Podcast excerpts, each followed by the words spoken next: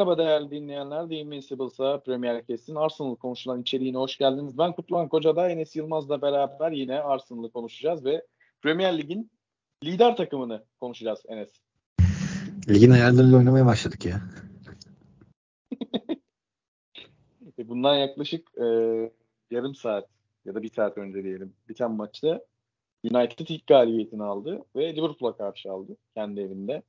Ronaldo'nun yedek beklediği maçta. E, Liverpool'un galibiyeti yok. 3 hafta sonunda City ilk e, çelmeyi yedi Newcastle deplasmanında. Daha da e, büyük yara alabilirdi ama beraberlik kurtardılar. E, United'ın zaten nasıl başladığı ortada. E, Chelsea 3 yedi. Chelsea'nin 3 yediği hafta Tottenham e, Conte oynayarak kazandı. İlk yarı az kalsın. Wolverhampton- Aynen. İlk yarı az kalsın gidiyorlardı onlar da. Wolverhampton daha iyi gözüktüğü bir maçta. 3 puanı bir şekilde aldılar ama Premier Lig'de kayıpsız devam eden tek takım ve o takımın podcastindeyiz. Enes neler söylemek istersin? Aha biz iki yıldır kan, ter, gözyaşı neler çektik be hey gidey. Rob Holding'leri, Pablo Mari'leri konuştuk. Çakalara, çakaya falan küfür ettik. Ve şimdi geldiğimiz noktayı görüyorsun. Umut bize bugün programın akışını yatarken şeyi de konuşun dedi. Şampiyonluk hayal mi değil mi? Ya işte ne oldum Yani demeyeceğim, şöyle- ne olacağım diyeceğim. Şöyle söyleyeyim orada haftalık e, çizelgeyi atarken kanala e, hiç kimsenin parantezi yoktu. Sadece bizim programımızın sağ tarafında bir parantez vardı. O da şampiyonluk gerçekçi hedefim. Bunu konuşacağız. Ama e, oraya gelmeden önce, ona en son konuşalım istiyorum. Oraya gelmeden önce e, sezon nasıl başladı? E, Bournemouth maçına da geçeceğiz ama sezon nasıl başladı? 3 hafta bu 9 puan nasıl geldi Enes? Ya şimdi öncelikle bu sezon ben aşırı sert bir şekilde maçları takip etme kararı almıştım. Ve başıma türlü türlü gerizekalıklar gelmeye başladı arda arda. Yani kız istemedi Arsenal maçı izledim ben. Evet. Biz bunları yaşadık. Ama ya bir şekilde telefondan yarım yamalak da olsa izledim. Düzgün net bir şekilde hani oyunu anlayarak izlediğim maç. Leicester maçı. İlk maçı şehir dışındaydım. Yarım yamalak kötü bir internetle Beyin Connect sağ olsun rezil halde izledim. Son maçı da kız, izle, kız istemedi izledim. Öncelikle Beyin Connect'e çakmak istiyorum ben. Müsaadenle. Tabii. Yani maç e, kaydını siteye yüklememek nasıl bir zır deliliktir 2022'de. Biz Esport'a ne güzel 3 yıldır 4 yıldır misler gibi istediğimiz zaman açıp istediğimiz hızda istediğimiz değil de maçı izliyorduk. Şimdi 45 dakika süren ver abi. 45 dakika sonra kayıt siliniyor. YouTube attıkları dandik 3 geçen dakikalık özeti izleyeceksin. Geçen sene 12 saatti o iş. Evet Ya onu da kısaltmışlar Euro- bir de. Evet, evet Euro- ya, abi o kısaltma değil. Kısaltma değil. 12'den 6 saate indirirsin. O kısaltma, o kısaltma değil yani. Ben Euroleague izliyordum geçen sene birinde ama Connect'te. Yani akşam kaçırdığım maçları işimin olduğu zaman gece izliyordum falan da Fenerbahçe dinledim işte Barcelona. Ee, tatsız. Ben de ilk ilk maç yaşadım onu. Crystal Palace maçını izleyemedim. Ee, dışarıdaydım. Ee, eve gelip sonradan böyle 10 işte 6-7 saat geriye sarıp baştan izlerim diyordum ama e, kaçak e, full maç tekrar sitelerinden bir şekilde bulup izlemek zorunda kaldım. Kız aldınız mı bari? Efendim? Kızı aldınız mı? Aldık aldık. Verdiler. Kızı da aldınız. Güzel. Maçı da aldık. Kızı da aldınız. Maçı da aldık. Ee, peki maçı nasıl aldık? İlk 3 haftayı sordum ben. İstersen ilk 3 hafta değerlendirmesi yap. istersen Bournemouth maçı değerlendirmesi yap. Aslında 3 Bu haftayla maçı- başlayalım ya. tamam. Ee, nasıl istersen e, 9 puan sendeyiz. Ee, her şeyden önce Zinchenko ve Gabriel'i bu takıma kazandıran hademmesinden sucusuna sportif direktöründen işte ee, City'deki çalışanlara kadar herkese teşekkür ediyorum.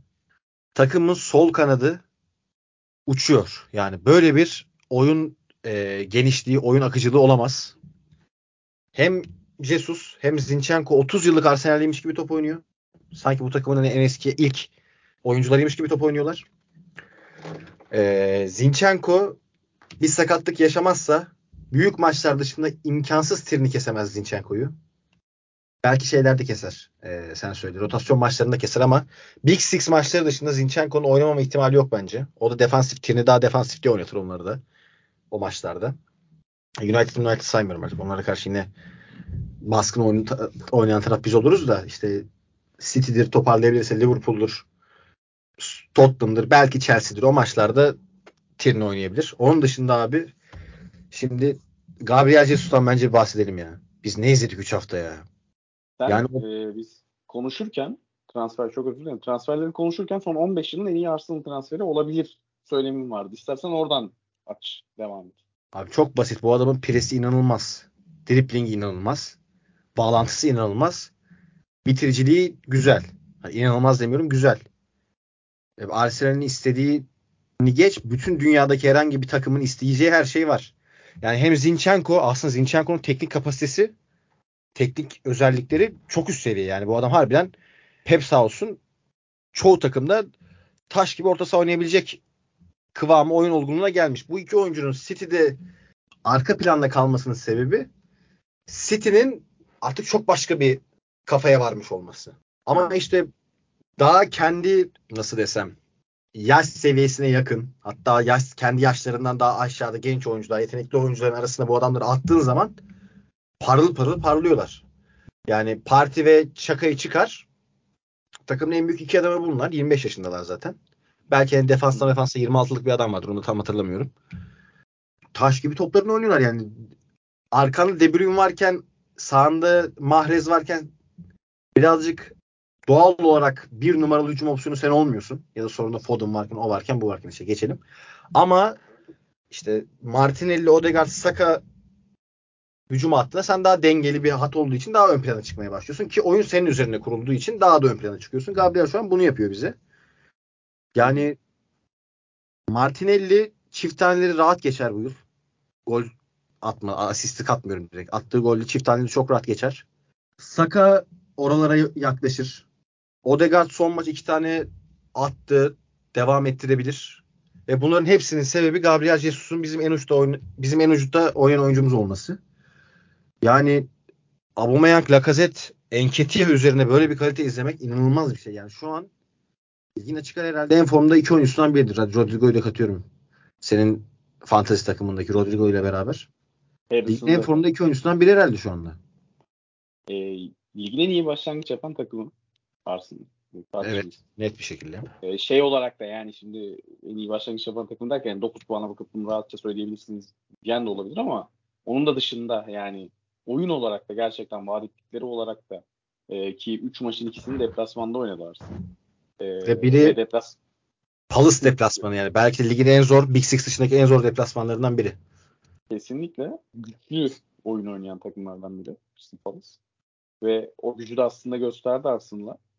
Ee, şeye geleceğiz zaten o Arsenal o galibiyetleri nasıl aldı? Mesela Leicester maçı da aslında o kadar kolay bir maç olmadı. 4-2'lik skora bakınca işte üstünlüğü erken ele alınca vesaire kolaymış gibi gözüküyor ama fakat e, ama e, çok kolay olmadı. E, onun sebebine de geleceğiz ama Gabriel Jesus'la alakalı o kadar kolaylaştırıyor ki işleri. Yani sahadayken sağında solunda dediğin işte Mahrez, Foden vesaire varken birkaçıncı planda olabiliyorsun. Sağında solunda Mahrez Foden varken senin için daha da kolay olabilir. Çok yetenekli oyuncular. Pahalı oyuncular. Ee, ama yeni geldiğin bir takımda işte sağında 21-22 yaşında Saka, solunda 21-22 yaşında Martinelli. Arka tarafta Partey, Çaka, Ödegaard.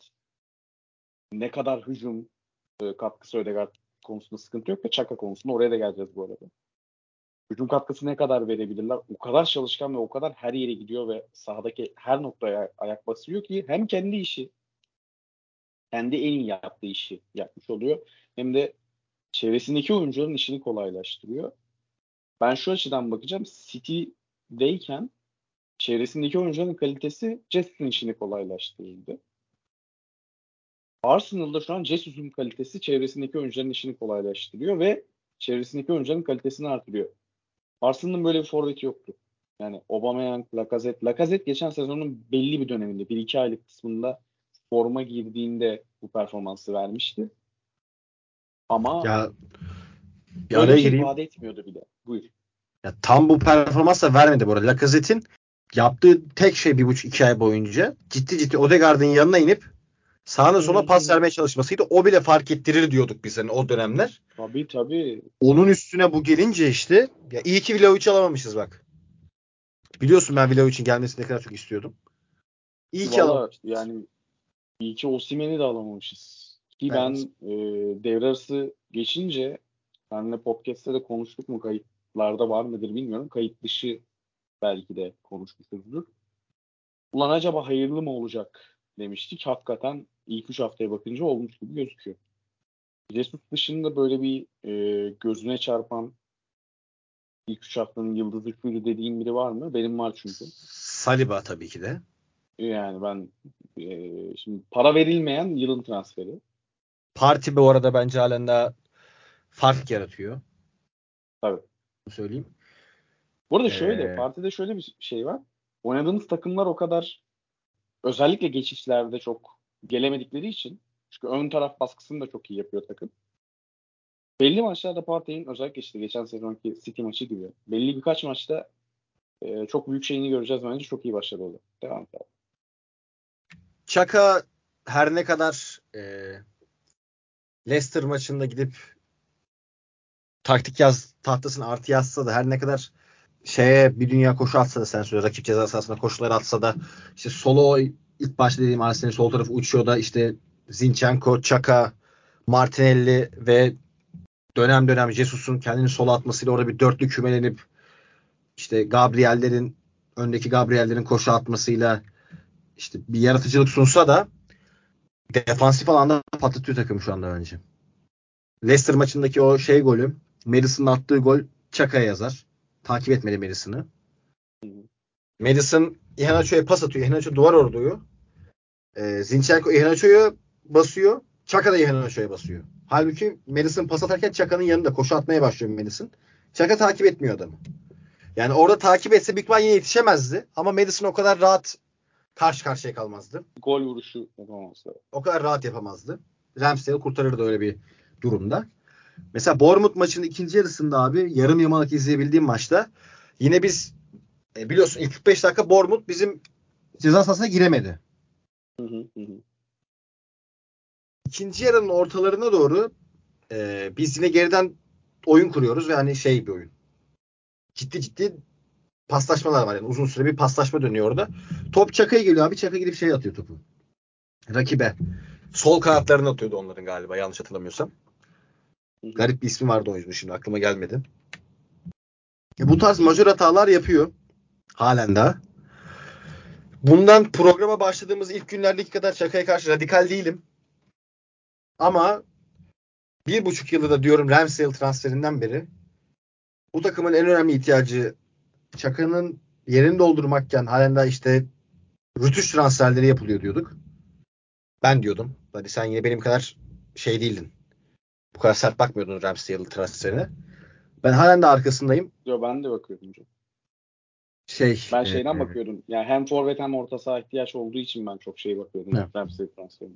Seni kadar sert değilim. O ayrı. Sen hiçbir konuda zaten. Ben gereksiz diyordum. Lüks diyordum yani. Kötü, aramızdaki kötü polis sen olduğun için ben Evet. senin kadar ileri gitmiyorum. Beni salsan ben de giderim. şey geldi aklıma. Kötü polis daha kötü polis. Tabii tabii. Yok ben işte Umut'la program yaptık geçen. Dinledim. Değişik değişik, şey- değişik değişik şeyler söyledim ben de. ya. Neyse Graham, Sun, Graham Sunus'a falan salladım yani. Ama sallanmaya, sallanmaya hak etti o herif yani. Kadınlara göre değil. Yürü git lan oradan. Neyse devam et abi. Sallamaya başladım. Evet.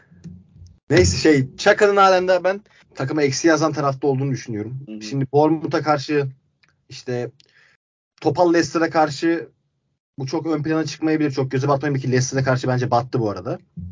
Hı hı. Ama işte yarın bir gün City ile oynadığımızda Çaka yine gidip kırmızı kartı görür. Yine gider saçma sapan bir hareket yapar, gol yedirir. Yine çıkarken Vallahi pas ben- yapar, patlatır bizi. Valla ben City'ye kalmadan e, o işin Wolves, Newcastle gibi takımlara karşı bile olabileceğini düşünüyorum. E, ben şöyle gireceğim o konuya. Şaka konusunda. Aslında biraz tersten bağlamış olacağız. Güzel girdin sen şaka konusuna. Güzel açıkladın.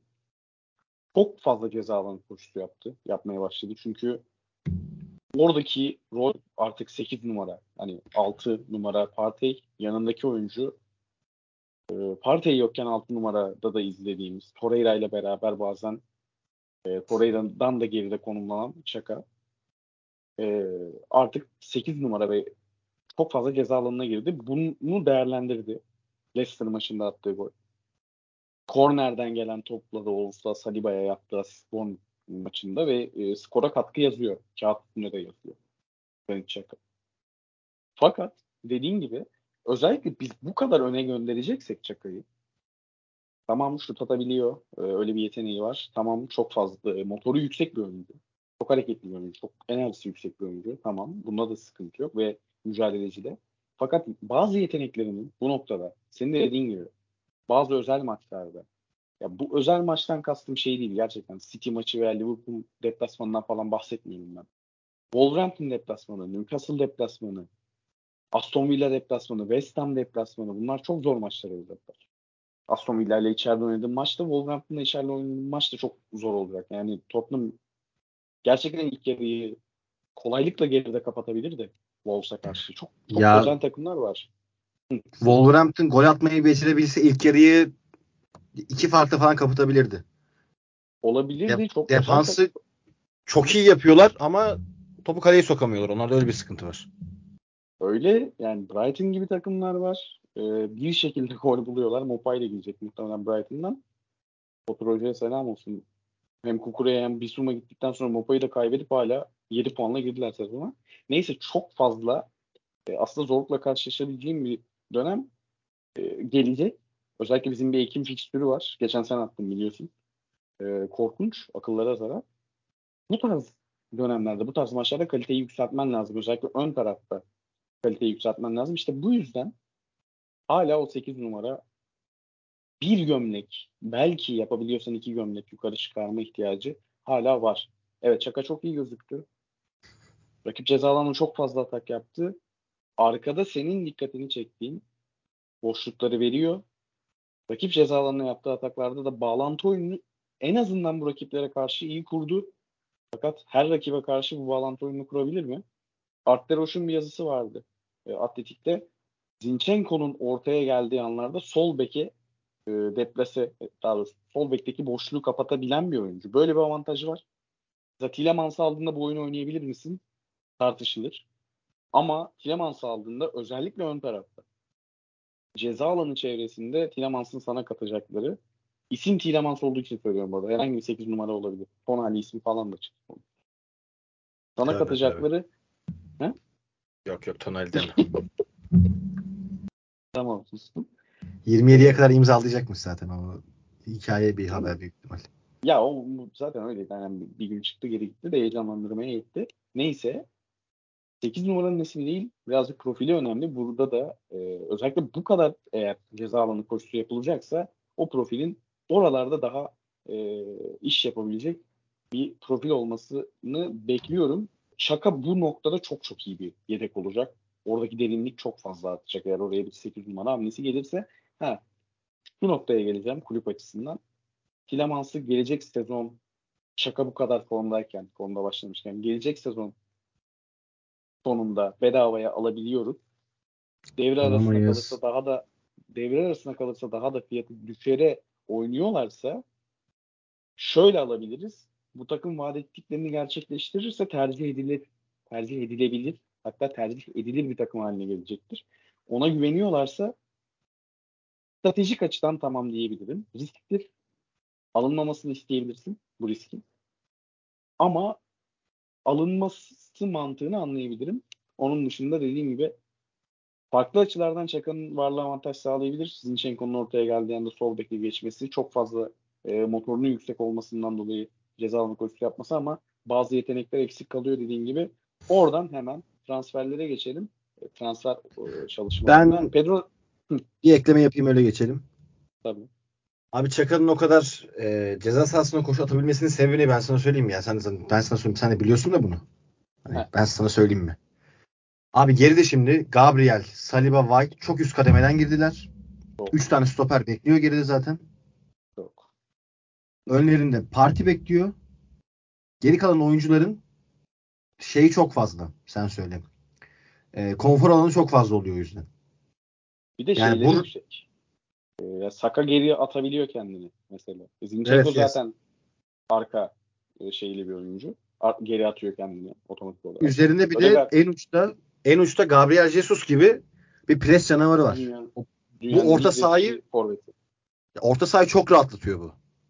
Yani ciddi ciddi Parti ve Çaka'nın görevleri özellikle Çaka rolünün, hani Çaka'nın değil, Çaka rolünün öz görevleri geçen yıla göre %50 daha azalmış durumda. Hem defans daha sağlam hem ön taraf daha defansif. Defansiften kastettiğimi hücumdan Evet, kesme manasında demiyorum. Defansif özellikle daha Evet, yüksek bir şeyim var. Evet. Ön hattım var. Ee, sağda oynayan Saka'nın defansif özellikleri yüksek. Defansa katkısı yüksek. Hı hı. Zinchenko her ne kadar çok ofansif bir bek de olsa orada bir Tierney alternatifi var. Zinchenko yine e, Pep sağ olsun defansif özellikleri kötü olduğu için alan parselizasyonu çok iyi biliyor. Bournemouth maçında inanılmazdı. Bak inanılmaz yani Zinchenko değil takım inanılmazdı. Abi çok iyi yerleşiyoruz geride. Yani ciddi ciddi hücum ezberi olmayan takımlar işte bakınız e, Tottenham, City, Liverpool toparlayabilirlerse belki West Ham. Dışında yani bizi delebilecek takım kolay kolay yok. Yani bir başka bir seviyeye çıkmışız. Yani her ne kadar atletikte miydi bilmiyorum. Fontlar atletikin fontuydu. Tam hatırlamıyorum. Logo yoktu. Bir haber çıktı. İşte Arsenal bütün takımlar arasında en kolay fikstürle başlayan takım diye. Gördün mü onu? Abi değilsin. Gördün mü? Abar bence abartıyorlar abi. O kadar da değil. Hayır yok Yani- kağıt üstünde öyle. Kağıt üstünde öyle. Ya abi şöyle onu şöyle hesaplıyorlar diye tahmin ediyorum. Ee, ilk 5 hafta Big Six yok. Bir. Evet. İkincisi e, ilk Big Six maçın en kötü Big Six'le. Yani ona göre hesaplıyorlar diye tahmin ediyorum. İlk Bu arada hafta Ekim- dediği için diyorum ben. Yani İlk üç- Palace deplasmanı var. Üzerine öyle ya da böyle Leicester var. Ligin baş şey baş alt takımlarından, vasat üst takımlarından biri. Hı hı. Palace deplasmanı ligin en zor deplasmanlarından biri. Big Six'i dışarı çıkar. Hatta Big Six'in bazı takımları dışarı çıkar. O konuda haklısın. O konuda haklısın. Yani şey olsa tamam diyeceğim. Şimdi Nottingham diyeceğim. Notting- Nottingham da çok iyi başladı. United üzeri United iç saha üzeri sen söyle ee, Bournemouth onun üstüne Everton olsa tamam diyeceğim. Hı yani bence standart Premier Lig fikstürü bu yani. Kolay fikstür denmez buna. Onu kastediyorum yani. Yani Bright-. Brighton'ın fikstürü daha kolay bence. Kağıt üzerinde olmaz. Brighton, Saha içine baktığında Brighton- daha kolay. Brighton seviyesi bile abi. Ne olursa olsun United deplasmanıyla başlıyorsun. O kadar da kolay diye adlandırılmaz. diye Ya o maçta Ben- ben bak öyle o maçta o maçta bizim halı saha takımı fark yaratırdı United'a karşı. Ben O kadar söylüyorum. e, şöyle değiştireceğim konuyu. E, bitirdiysen tabii. Tabii. İşte transferler falan filan konuştuk. Pedro Neto en son e, isim olarak atıldı. Kanat transferi. Ya burada zaten artık e, herkes yazdı çizdi. Arsenal alırsa iki oyuncu olacak en fazla. Bu transfer sezonunun sonuna kadar. Bir tanesi kanat bekleniyor. E, bir de alırsa e, Tileman'sı teklif yapması bekleniyormuş Leicester'a. Tilemans için. E, bu hafta içinde. E, olursa orta saha olması bekleniyor. Pedro Neto ile alakalı fikirlerini merak ediyorum. Abi yine orta sahayı sona bıraktılar ya. Yine gidip Neto alıyoruz ya. Yani Peki. iki yıldır şu takıma bir orta saha transferi yaptıramadık ya. İnanılmaz. Her şeyi yaptırdık. Saliba'yı kiralık göndermekten vazgeçirdik. Rotasyonu genişlettik. Forvet aldırdık bağlantı oyun olan. Bir orta saha aldıramadık ya. Bu inanılmaz bir durum. Ben çözemiyorum bunu yani. Bu takım niye orta saha almıyor Çaka yerine? Çok garip geliyor. Yani Neto'yu. Neto şahsen olsa da olur olmasa da ol- olur transferi benim için. Son maçta Tottenham maçında sağ kanat beki oynadı. Ya ben şimdi Wolverhampton'ı düzenli olarak takip eden bir insan değilim. Daha önce bu rolle denendi mi bilmiyorum. Ama hani orada da performans verebilen bir adamsa biliyorsun benim rotasyona bakış açımı. Birden fazla mevkide oynayan adam iyidir, güzeldir. Hani sağ kanadı komple öyle kapatabiliyorsak dörtlü bek oynayamaz da Üçlüyü katıyorum. Bizim takım aslında yani 3-4-3, 4-4-2, 4-3 arası bir şey oynuyoruz biz. Şeye göre değişen. Sen söyle. E, maçın durumuna göre değişen. Top rakipteyken 4-4-2 karşılıyoruz. Set oturduğunda 4-3-3'üz. Mantıken baktığında aslında 3-4-3'üz. Yani bir garip bir durum var.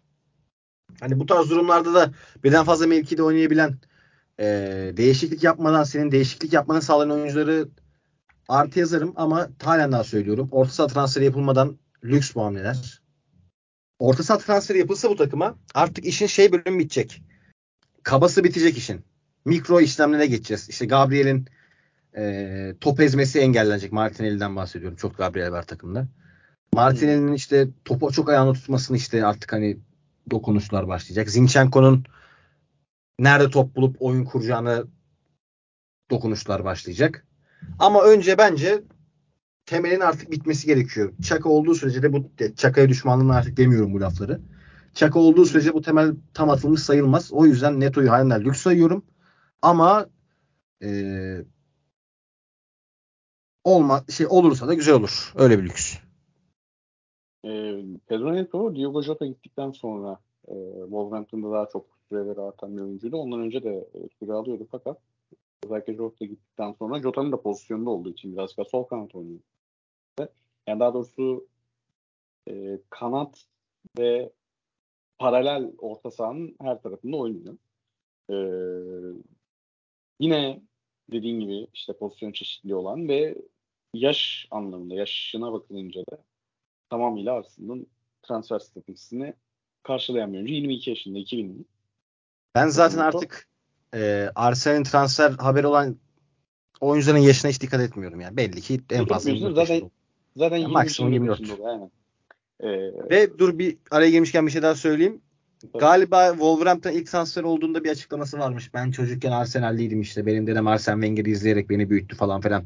Dedem dememiş de hani Arsene Wenger'i çok seviyordum. Çocukken Arsenal'dim falan filan demişti de varmış. Anladım.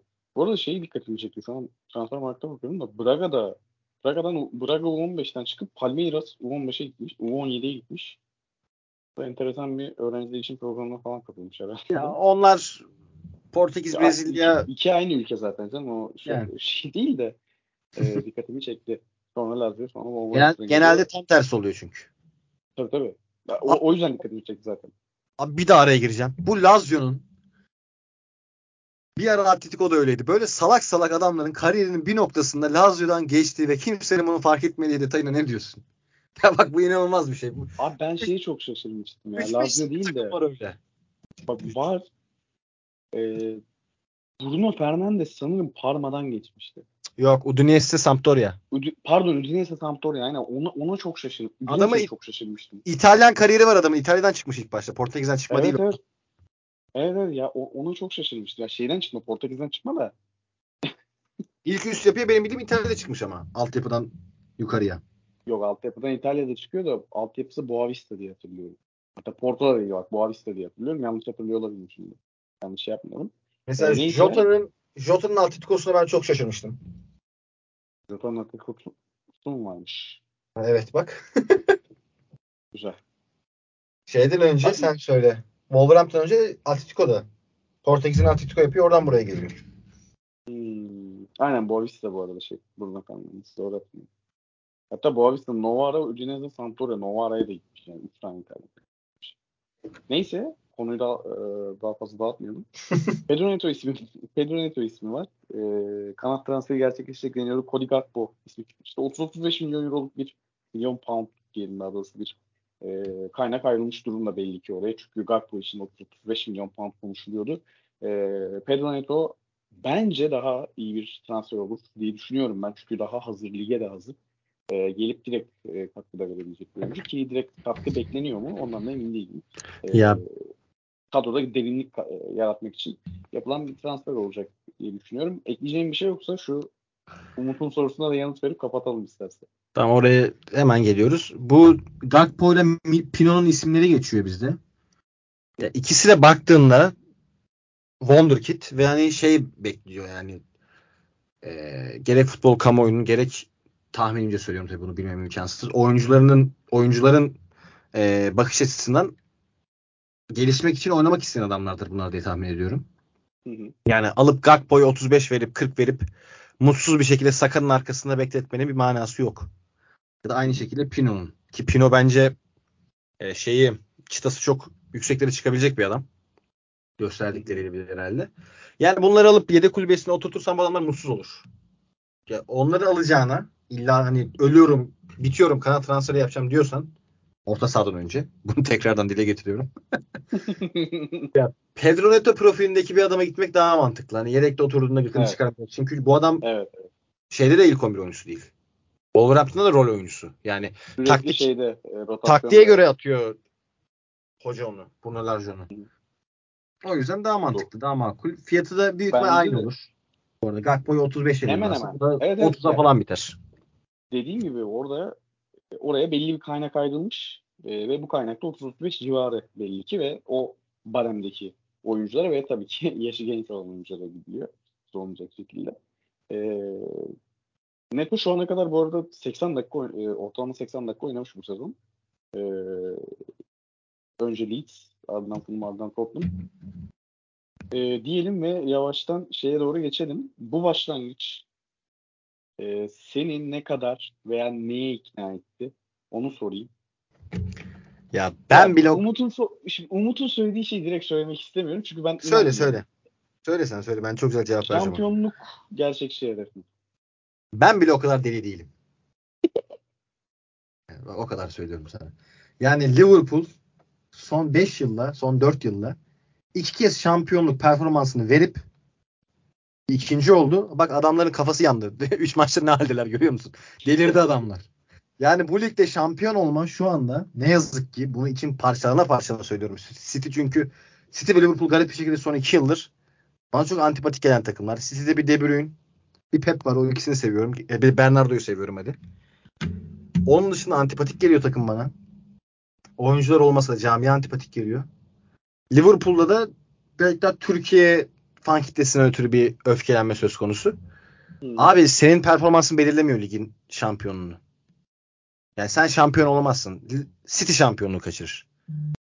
Arsenal şu anda şu dönemde yaş ortalaması daha 22-23 iken Bunu KJ'ye alalım yalnız. Sen şampiyon olamazsın. City şampiyonluğu kaçırır. evet. Zaten. Arsenal'in yaş ortalaması 21-22 iken City ile baş, edebil- baş edemez yani. Arsenal'in o hedefi bu yaş ortalaması 25-26'lara dayandığında. Ki zaten ben Ocak'tan beri bunu zikretmeye başladım burada. Bu takımlar paşa paşa Pep Klopp sonrasına hazırlanmak zorunda. Klopp şu anda birazcık sendeleyerek başladı.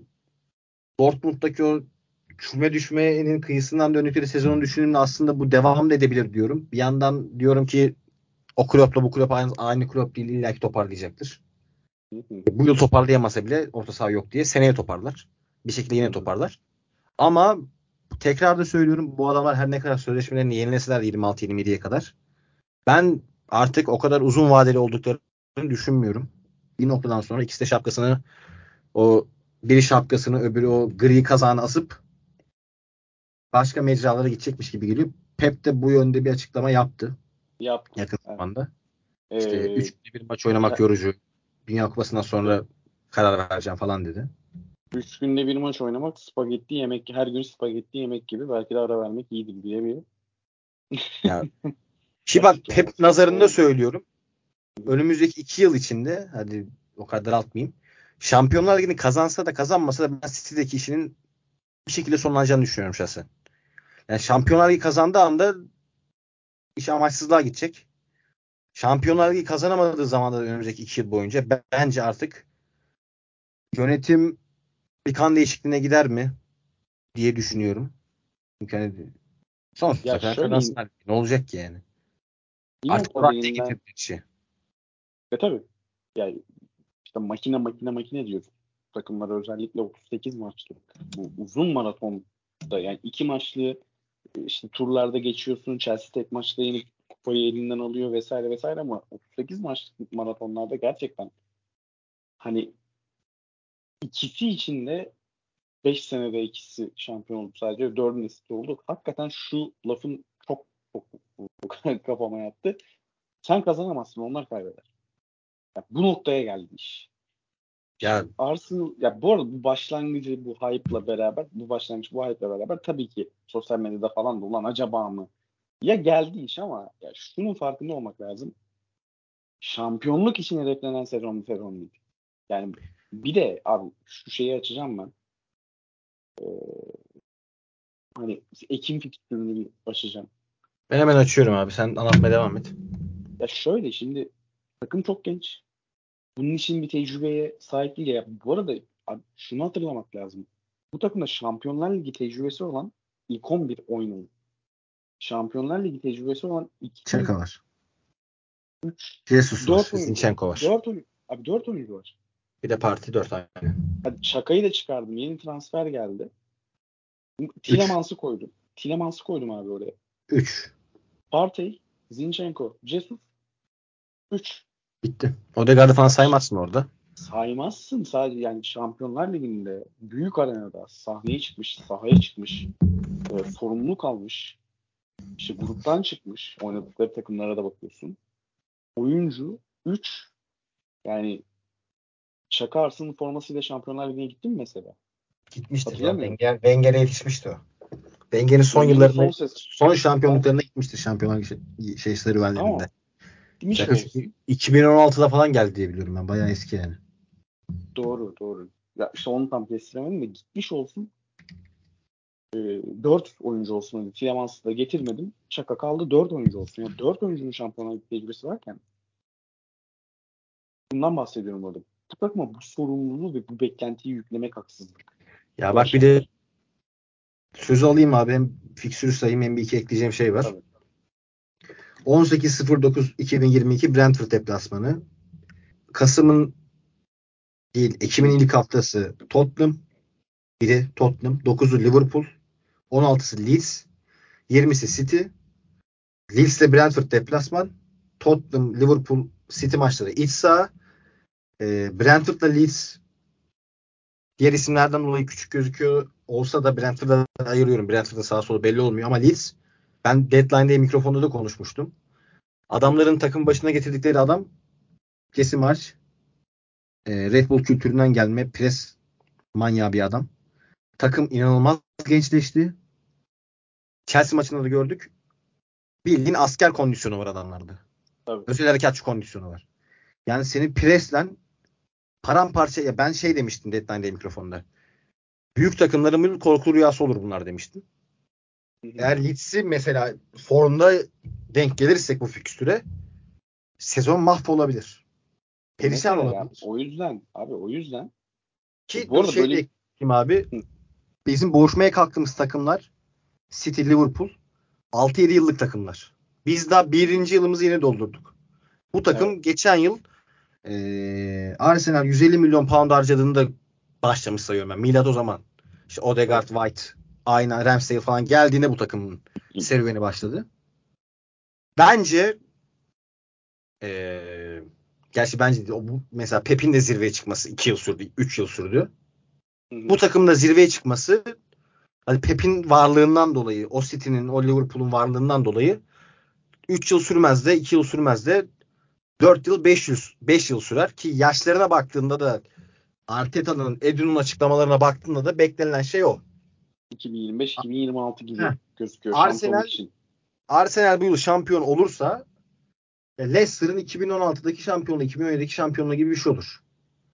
Tamam isimden dolayı o kadar uçuk gözükmeyebilir. Tabii tabii. Şu başlangıçtan dolayı da. Ama o zaman piyasada hiçbir büyük yoktu. Tottenham Arsenal'le kapıştı o zaman. Yani en iyi olan iki takım yani Tottenham o zamanlar yükselişteydi ama biri yerli bir bir takımdı yani. Arsenal yerli bir takımdı. Pepsi şey yapıyordu. E, ilk yılıydı. Conte Chelsea'de ikinci yıl problemli yılıydı yanlış hatırlamıyorsam. Perişan haldeydi Chelsea ile To- Conte ilişkisi. E, United'ı zaten biliyoruz. O arada Leicester sıyrıldı da şampiyon oldu. Şimdi işte Arsenal Leicester'dan daha büyük köklü kulüp ama abi iki tane köpek balığıyla cebelleşmesi gerekiyor. aynen öyle. Bu arada şeyi ekleyeceğim Hatta ve, Conte'yi de katıyorum. Üç tane köpek balığıyla cebelleşmesi gerekiyor. Ben Chelsea'yi e, birazcık yani düştü Chelsea görüyorum. satın- Bu arada Chelsea satılmamış olsa 4 köpek balığı olacaktı zaten. Yok abi ya şu Evet, an Chelsea 35'ten kadrosu yine böyle olsun. Beni çok korkutmuyor. Havertz Havertz Yok, kimse konuşmuyor ama bence çok kötü transferler oldu yani. Bu arada şu, şunu söyleyeyim zaten hani atıyorum Rusya'nın müdahalesi hiç olmasaydı ve olduğu gibi devam etselerdi zaten bu kadro bu şekilde kalmazdı muhtemelen. Bir, büyük bir yatırım daha gelirdi. Büyük bir yatırım daha gelirdi. O yüzden söyledim. Ondan dört tane dedim. E, hoca e, profilinde ne kadar yüksek olduğunu göz önünde bulundurarak. Son bir şey söyleyeceğim sonra kapatacağım abi. Southampton deplasmanına gidiyor City maçından sonra Arsenal. Ardından Nottingham Forest içeride 30 Ekim. 5 Kasım Chelsea deplasmanı, 12 Kasım Wolverhampton deplasmanı. Dünya Kupası arası dönüş West Ham içeride, Brighton deplasman, Newcastle içeride, Tottenham deplasman ve Manchester United içeride. Yani kısaca şunu söyleyeyim. 18 Eylül ile e, 21 Ocak arasında Arsenal'ın kağıt üstünde söylüyorum bunu. 3 puan, rahatlıkla 3 puan yazabileceğin 3-4 maçı var. 10-12 maçlık süreçte. E, o yüzden e, bu başlangıç evet çok göz alıcı, çok güzel, çok keyifli bir başlangıç ama e, beklentiyi kurarken biraz hat bilmek lazım. Gerçekçi hedef sen de açıkladın, ben de açıklayayım. Şampiyonluk değil. İlk 4 olabilirse ilk 3 belki bu İlk işte iki. birkaç aynen belki işte bu Solskjaer'li United'ın ikinci olduğu sezon gibi işte Liverpool'un arkada kaldığı bir Ki e, O Liverpool'da sakatlıklardan arkada kalmıştı. Yine aynı evet, şeyi evet yaşıyorlar. Van Dijk, Van Dijk'ı kaybetmişlerdi. Öyle hatırlıyorum. Ya Uzun Ozan Kabak'la Nathaniel Phillips oynuyordu defansta. Aynen öyle. Hani benzer bir şey olur. Ee, olursa ki umarım olmaz tabii ki o tarz sakatlıklar hiç yaşanmasın ama benzer bir şey olursa. Onun içinde olan şeyler bunlar Kutlucuğum. Aynen. Sen Sinan Engin modunu açtığına göre ee, Ya gelebiliriz. Şeyden bahsediyoruz hani bir Liverpool'un sakatlıklarından falan bahsediyoruz. Abi Gabriel bir sakatlansa biz bittik. Yok ya Sol en ya hak getire yani. Ha şey ön taraftan bahsediyoruz. Tabii canım. Evet. O kadar çok Cebrail var ki takımda karışıyor ama tane Gabriel- Cebrail. gitse bizim sezon bitti. Yani şakasız bitti. Şampiyonlar Ligi'ne de giremeyiz biz. Ya, o ayrıca yani şöyle söyleyeyim. Bu önemini söyle bir ya, önemini şöyle açıklayayım Arsenal açısından. Hani umarım yaşanmaz. İşte Tottenham için Kane, e, City için De Bruyne, Liverpool için Salah, e, kim kaldı? Six'ten.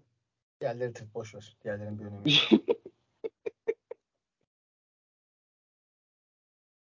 E, değerli dinleyenler dinleyicisi bulsun. E, sonuna geldik. Yine sağ sağlık. Teşekkürler. Bu arada bir şey söyleyeyim mi? Tabii. İki yıllık serüvenimizde, iki yıla dayanan serüvenimizde en kaliteli programlardan birini çektik. Ben çok keyif aldım. Ben çok keyif Sebebini aldım. ben sana söyleyeyim mi? Buyur. Ligi takip etmeye başladım çünkü. ligi takip etmeye başlayınca keyif almaya başlamış olursa şöyle ben ligi takip ettiğim için keyif almıyordum. Çünkü Arsenal'ı takip ediyordum. Diyelim de, diyelim ve yavaştan kaçalım efendim. Bir sonraki Arsenal programında muhtemelen lider e, çıkamayız programa ama ya çıkarız gönlün rahat olsun senin ya. Çıkarız. tamam. Dünya Tamam. Kupası'na kadar lideriz. Sen rahat ol. Dünya Kupası'ndan sonra inşallah ilk dörtte kalırız diyelim ve Abi bak Evet. yine uzatayım programı. O fikstüre biz Tottenham'ı yenelim. Ya Liverpool'u ya City'yi tokatlarız. O gazla. Ama yenemezsek işte o zaman. üç- yine 2-3 tane karşıya verdin abi. E, teşekkür ediyorum. Rating yaptığın için. E, ve veda ediyoruz efendim. Bir sonraki demin sırası. Görüşmek dileğiyle. Hoşçakalın.